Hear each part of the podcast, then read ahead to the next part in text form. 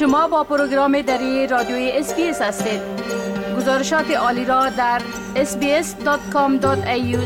دری پیدا کنید. حال با جاوید روستاپور خبرنگار پروگرام دری برای جنوب آسیا به تماس هستیم که اونا درباره تازه ترین رویدادها در ارتباط به افغانستان صحبت می‌کنن. آقای روستاپور سلام عرض می کنم خب گفتم میشه که عکس های بسیار شدید در برابر حکم تازه رهبر طالبا در مورد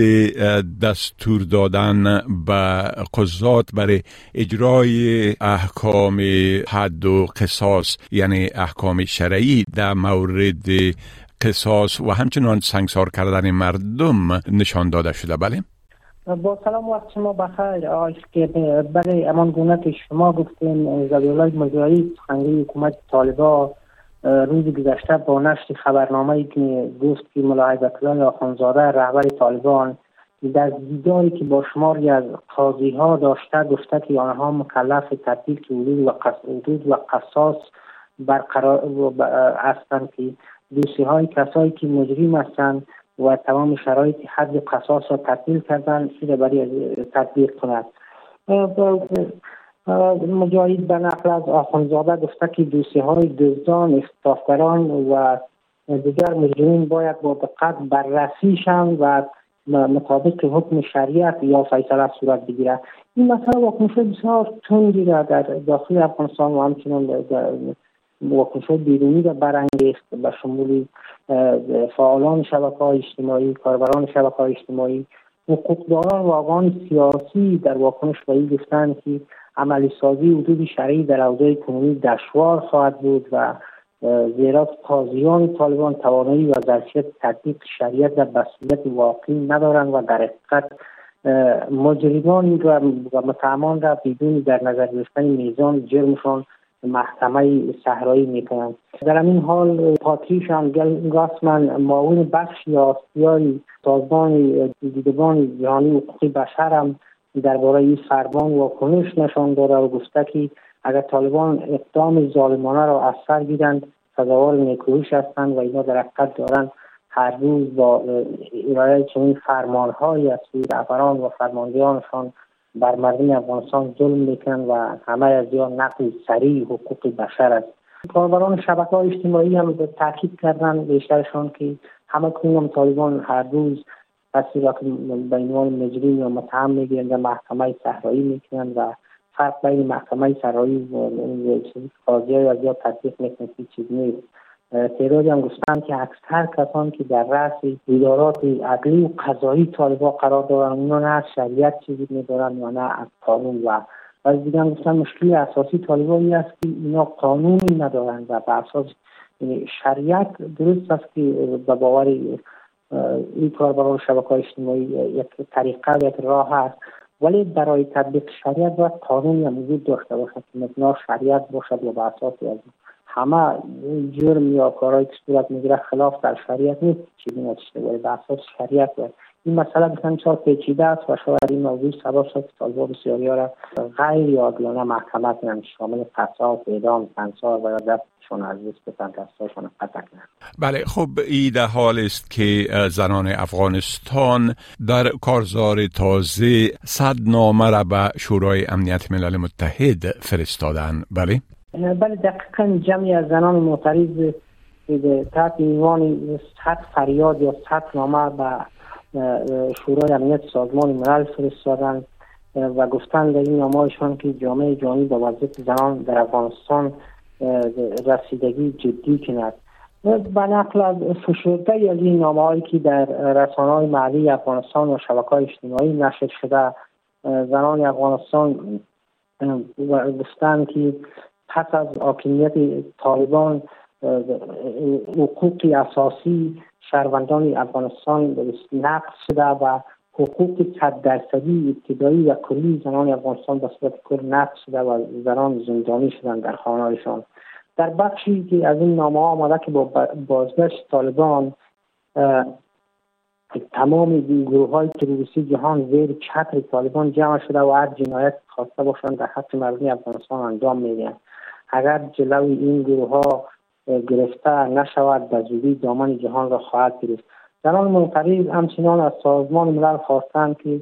جهان از هر گونه تلاش برای به رسمیت شناخته شدن طالبان برحضر داشته جهان را سازمان ملل برحضر داشته و در رابطه با اینکه طالبان را به رسمیت بشناسند سنجیده شده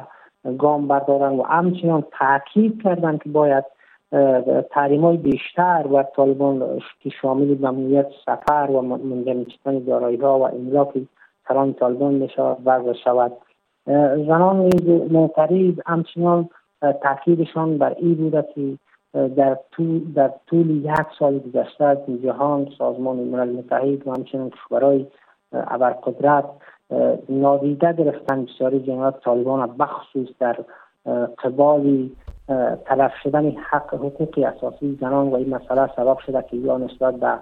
استقلالیت سازمان ملل بیگاور شوند و این نامه را گفته این بار می و انتظار دارند که نتیجه هم در قبال داشته باشه این در حالی است که در یک سال داشته بیشتر زنان واقعا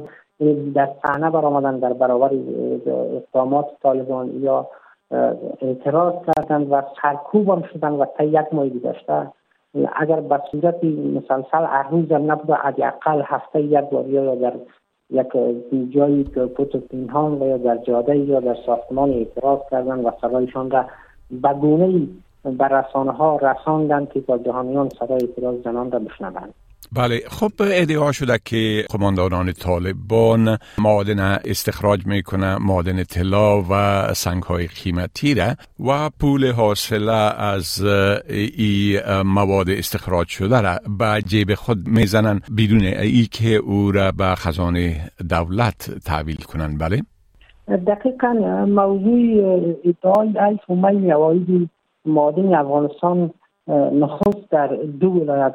شد که یکی ولایت پنشیر که بیشتر ثمرت دارد و دیگر ولایت بدخشان که طلا دارد و همچنان لاجورد دارد. استخراج کنندگان زمرد در پنشیر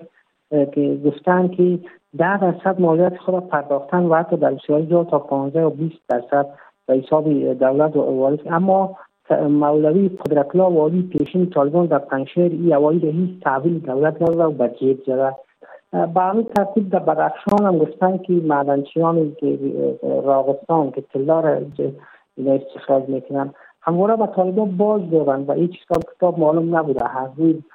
طالبا نمایندهشان اونجا بوده چیزی که یا استخراج کردن یا ریکشویی کردن و برست آوردن. بخشی از به طالبا دادن ولی هیچ چی از این پولی که به عنوان مالیه پرداخت کردن به خزانه دولت یا حکومت طالبا وارد نشده.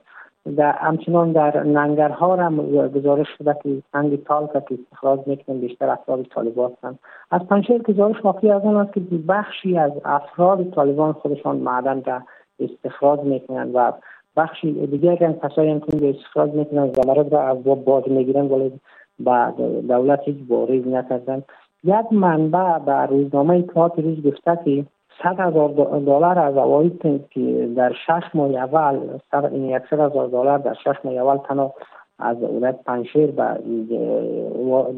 دولت دادن یا ولی تمام این پول را والی به خودش گرفت والی پیشین پنشیر. و هیچ یک یک دلار هم به خزانه دولت وارد نشده بله. مثلا در شبکه اجتماعی بسیار چیز شد. سخنگوی والی طالبا سخنگوی وزارت داخله گفته که معاون در بعض جا به استخراج گذاشته شده ولی و کلی نیست. همچنان سخنگوی وزارت داخله طالبان گفته که رد کرده این خبر از گفته شایع است و افراد گروه نماینده مسئولان حکومت محلیشان چنین چیزی نکردن و اگر معادنی به استخراج می‌شد و قراردادی داده شدن مایه از به دولت پرداخت میشه بله خب بسیار تشکر آقای روستاپور از این معلوماتتان و فعلا شما را به خدا می سپارم و روز خوش برتان آرزو می کنم وقتی شما هم خوش خدا حافظ ناصرتان. می خواهید این گونه گزارش ها را بیشتر بشنوید؟ با این گزارشات از طریق Apple Podcasts، Google Podcasts، Spotify و یا هر جایی که پادکاستتان را می گیرید گوش دهید.